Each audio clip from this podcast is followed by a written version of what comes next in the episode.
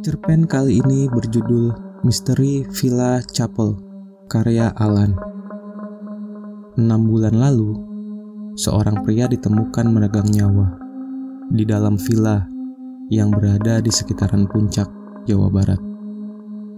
Parahnya, pria yang bertugas sebagai penjaga tersebut ditemukan di dalam sebuah tembok basement di villa yang selalu ia jaga.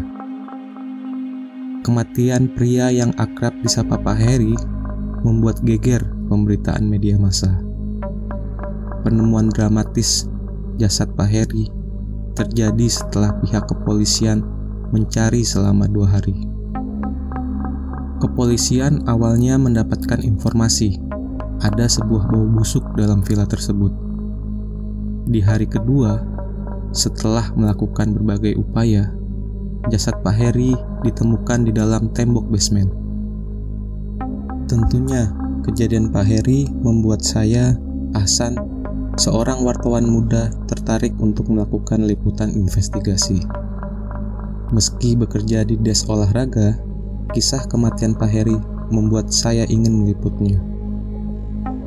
Izin Pak, bolehkah saya meliput kematian Harry yang meninggal enam bulan lalu di puncak? Pintaku kepada Pak Seto, pemret tempat saya bekerja. Kamu kan desnya olahraga, biarkan anak nasional saja yang sudah mempunyai pengalaman untuk melakukannya. Jawab Pak Seto. Tapi Pak, anak nasional sedang sibuk mengurus persiapan Pilpres 2019.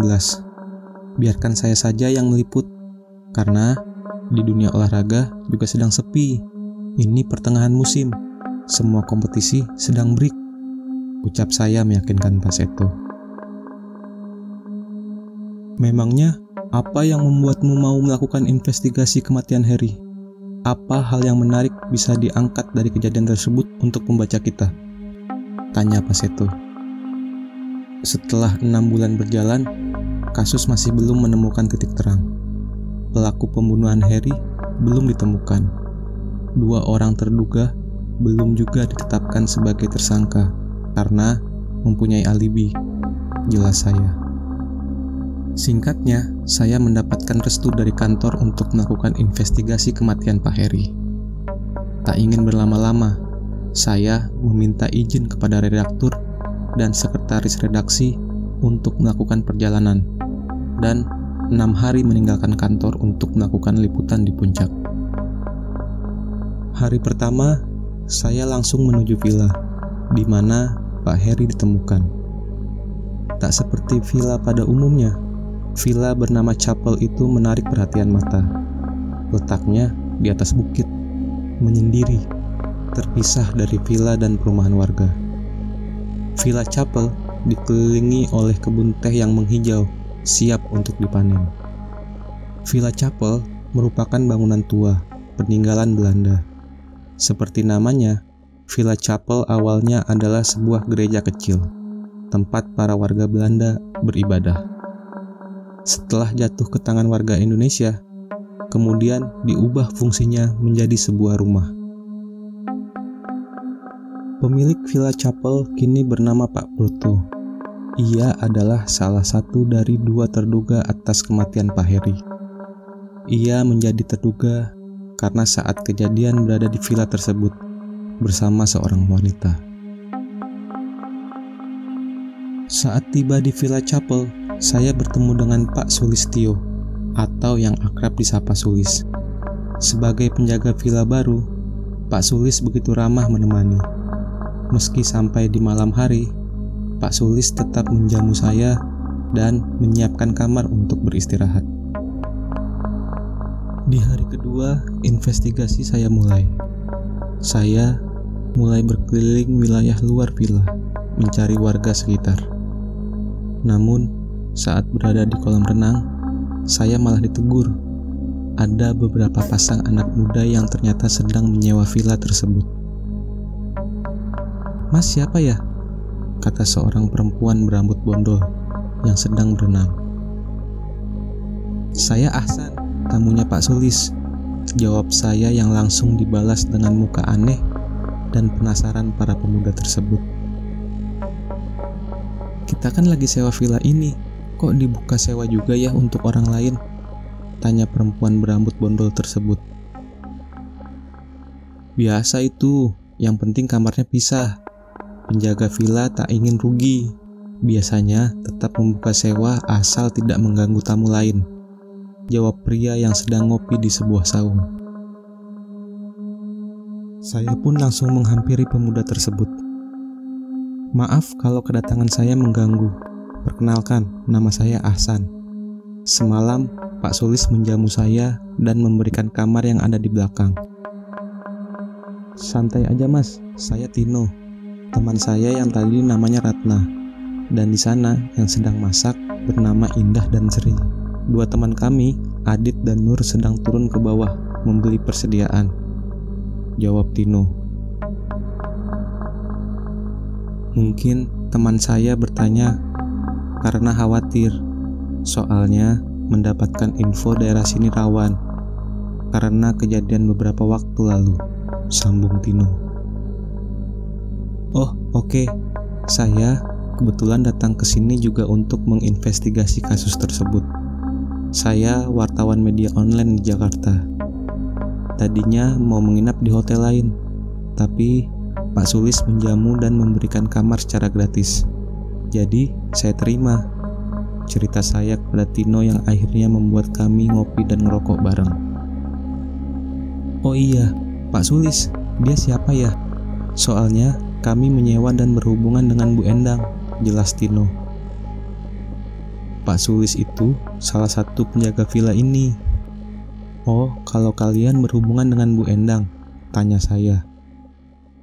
Rasa penasaran tiba-tiba muncul. Bu Endang adalah istri Pak Heri, salah satu terduga dari kematian Pak Heri. Usai berbincang dengan Tino, saya pun mencari Bu Endang, sekedar ingin menyapa dan mengulik beberapa pertanyaan. Menurut Tino, Bu Endang tengah berada di kebun teh. Usai mengurus tamu di pagi hari, Bu Endang biasanya langsung menuju kebun teh untuk memanen. Permisi Bu Endang, saya Ahsan. Tegur saya kepada Bu Endang di kebun teh. Oh iya, ada apa ya? Bisa saya bantu? Jawab Bu Endang. Saya tamunya Pak Sulis, wartawan asal Jakarta yang diberi tugas untuk menginvestigasi kasus Pak Heri. Jawab saya. Seketika muka Bu Endang pucat pasi, dirinya mematung, kemudian menghentikan proses memetik daun teh. Tanpa tedeng aling, ia meninggalkan saya dengan wajah panik dengan keringat membasahi pelipisnya. Tak ingin menghakimi, kemudian saya kembali berjalan. Dalam hati, mungkin Bu Endang merasa takut atau sedih atas kematian sang suami yang belum terungkap hingga saat ini. Saya mencoba memaklumi bagaimana rasa seorang istri yang disematkan status terduga atas kematian suaminya. Saat sore tiba, Pak Sulis datang. Menurut pengakuannya, saat pagi hari dirinya sibuk sebagai ojek online.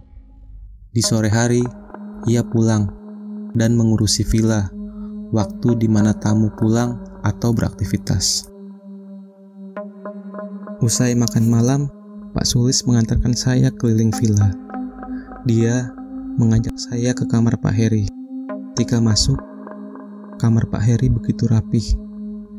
Menurut Pak Sulis, Bu Endang setiap pagi merapihkan kamar tersebut. Meski sebagai suami istri, Pak Heri memang kerap tinggal di villa untuk menjaga. Dua hari sekali, ia baru pulang ke rumah yang berada di bawah lereng. Di satu dinding, terlihat foto kedekatan antara Pak Heri dan Bu Endang. Sedangkan ada foto lain juga yang memperlihatkan keakraban Pak Heri, Bu Endang, dan keluarga Pak Broto. Mereka tampak seperti keluarga dekat. Mau lihat basement saat Pak Heri ditemukan? Tanya Pak Sulis. Dalam hati, saya langsung sumringah.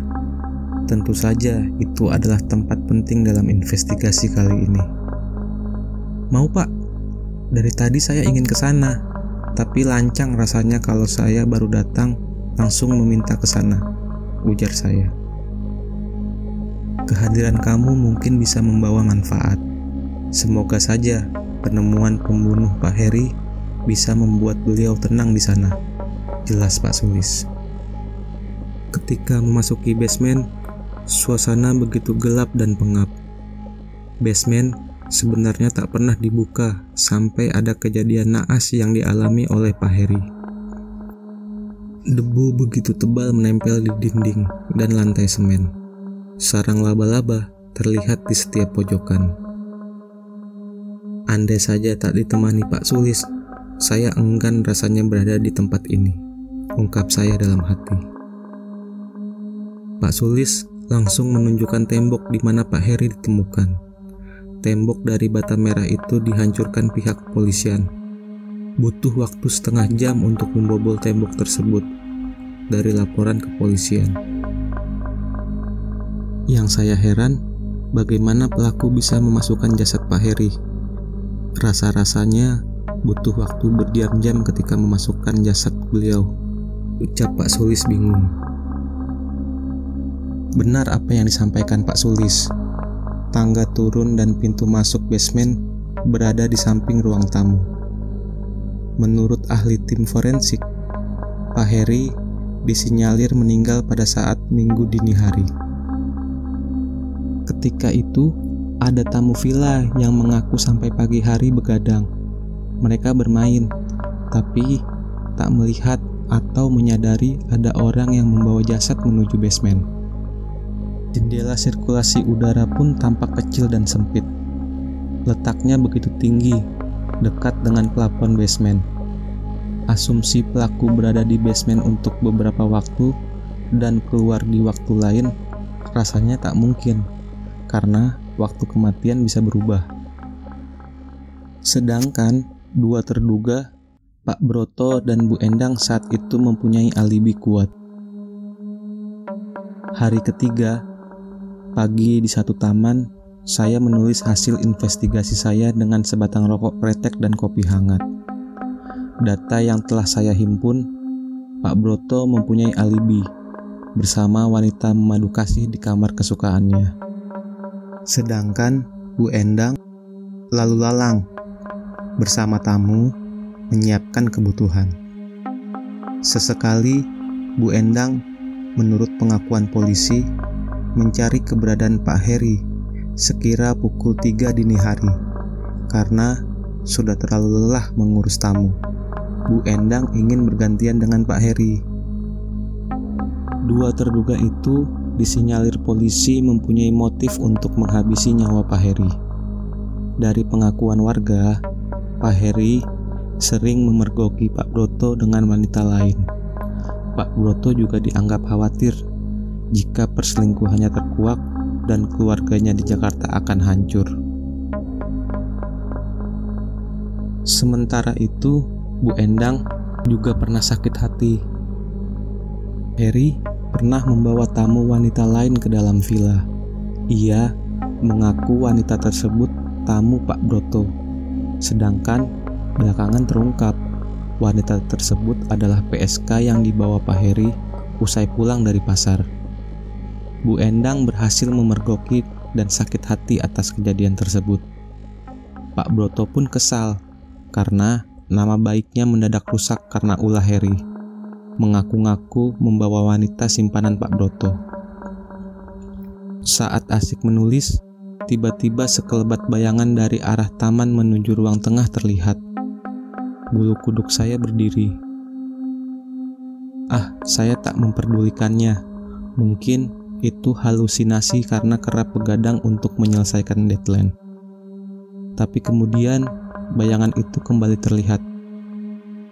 Semakin tak memperdulikannya, bayangan itu malah kembali muncul.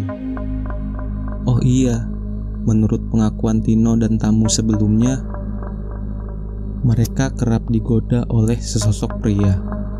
Pria tersebut kerap melewati taman dan ruang tengah di waktu malam, kerap terdengar kata, "Tolong, tolong, tolong." Rasa penasaran pun kembali hadir. Saya mengikuti bayangan tersebut menuju ruang tengah. Pajangan di ruang tengah tiba-tiba bergerak. Saya pun menghampiri. Sebuah bayonet tertutup kaca sebuah kenang-kenangan untuk Pak Broto yang telah menyelesaikan misi saat berada di hutan pada tahun 1989. Pak Sulis tiba-tiba menyapa. Kenapa San? Kok termenung di depan bayonet? Katanya yang langsung mengagetkan saya. Kaget karena Pak Sulis biasanya datang pada sore hari. Nggak narik ojol pak, tumben udah pulang, tanya saya. Lah, sudah pulang dari tadi. Ini sudah setengah enam sore, jawab Pak Sulis. Astaga, ini sudah sore hari. Perasaan saya mulai menulis pada pukul 10 pagi. Tiba-tiba sudah sore begini. Ah, mungkin ini hal biasa yang kerap saya rasakan ketika menyelesaikan deadline. Malamnya, saya dan Pak Sulis berbincang usai makan malam. Satu hal yang masih belum diungkap kepolisian demi mengamankan barang bukti. Sebelum ditaruh di tembok, Pak Heri kira-kira sudah dihabisi nyawanya ya Pak ya?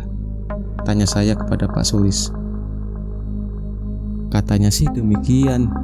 Jadi, Pak Heri katanya sudah dihabisi nyawanya dan kemudian ditaruh di tembok untuk menyembunyikan jasadnya cerita Pak Sulis sambil memainkan ukulele. Dibunuh pakai apa pak? Tanya saya kembali. Entah, ada yang bilang ditusuk atau dihantam kepalanya dengan ukulele ini. Kata Pak Sulis dengan tawa menyeringai. Hahaha, enggak enggak enggak. Katanya sih ditusuk, lanjut Pak Sulis. Ah, bapak bikin merinding aja. BTW, ditusuknya pakai apa pak? Pisau atau pedang atau lainnya? Itu yang polisi tidak merinci. Mereka hanya menyebut benda tajam, menghujam dada dan paha dan lengannya. Mungkin itu maksud polisi masih belum mengungkapkan, karena barang bukti katana yang disita polisi belum cukup kuat untuk dijadikan bukti. Karena Harry memiliki luka yang tidak terlalu dalam. Lubang lukanya tidak match dengan katana. Katanya sih demikian, saya kurang mengerti. Sambung Pak Sulis. Kalau bayonet yang dipajang di ruang tengah depan kamar Pak Broto itu tampaknya spesial ya. Karena ditutup kaca, cerita saya. Betul, itu bayonet yang membuat Pak Broto bertahan hidup saat tugas dinas di hutan Gunung Gede. Karena bayonet itulah dia berhasil menjadi anggota terbaik, jelas Pak Sulis. Hari keempat, saya kembali menyelidiki bayonet tersebut. Ternyata, di sisi bawah pisau terdapat bercak darah. Temuan itu saya sampaikan kepada pihak kepolisian dan kemudian melakukan uji forensik. Sembari menuju uji forensik, saya menghampiri Bu Endang, mencoba mengkonfirmasi beberapa hal. Nampaknya naskah investigasi saya kurang lengkap karena statement Bu Endang dan Pak Broto. Bu Endang tampak trauma, namun saya meyakinkan beliau untuk cerita. Mungkin dari cerita ini bisa menemukan titik terang setelah bercerita panjang lebar, Bu Endang kemudian menyimpulkan, Pak Broto mungkin orang yang bertanggung jawab akan kematian suami saya. Semua bukti mengarah kepadanya. Semua bukti, maksud ibu, katana yang disita polisi dan cara menaruh jasad Pak Heri di dalam tembok, jelas Bu Endang. Bagaimana cara menaruh jasad Pak Heri, Bu? Apakah pernyataan ini sudah disampaikan kepada pihak kepolisian? Tanya saya. Saya tahu ada sebuah panic room menuju basement. Ruangan tersebut dibuat Belanda jika ada keadaan yang mendesak untuk memudahkan kabur. Cerita Bu Ena. Panic room tersebut berada di ruang tengah yang posisinya menjorok ke dalam. Pintunya berada di balik lukisan. Orang awam tak akan mengetahui jika itu adalah sebuah pintu. Saya sudah menceritakan hal tersebut kepada kepolisian, namun entah apa hasilnya. Hingga saat ini, Pak Broto belum juga dijadikan tersangka. Sambung Bu Endang. Oh, begitu. Oh iya, Bu. Maaf jika pertanyaan saya berikutnya akan sensitif. Lantas, mengapa ibu turut pula dijadikan terduga? Tanya saya. Malam itu, Pak Broto melihat saya bertengkar dengan Pak Heri saat di dapur. Saya memang di luar batas skala itu. Saya meminta diceraikan. Jika tak mau, saya akan membunuh beliau. Karena tak kuat kerap dikhianati. Tapi, sumpah serapah itu hanya emosi sesaat yang dilontarkan seorang istri karena tahu suaminya berselingkuh. Cerita Bu Endang. Hari kelima, Pak Broto kemudian datang ke Villa Chapel. Dia tahu ada wartawan yang sedang melakukan investigasi. Tak seperti bayangan saya, Pak Broto tampak ramah dan seolah-olah tak ada kejadian pahit dalam villa. Ia sangat terbuka seolah ingin membuktikan jika dirinya memang tak bersalah. Maaf pak, saya menemukan informasi dari bayonet yang bapak pajang di ruang tengah. Oh iya, informasi apa? Saat kejadian, katana saya yang terpajang di dapur juga disita kepolisian. Hingga saat ini, saya belum dikabari hasilnya, cerita Pak Broto. Saya tak bisa cerita, Pak, Nanti dari pihak kepolisian yang akan menyampaikan, jelas saya.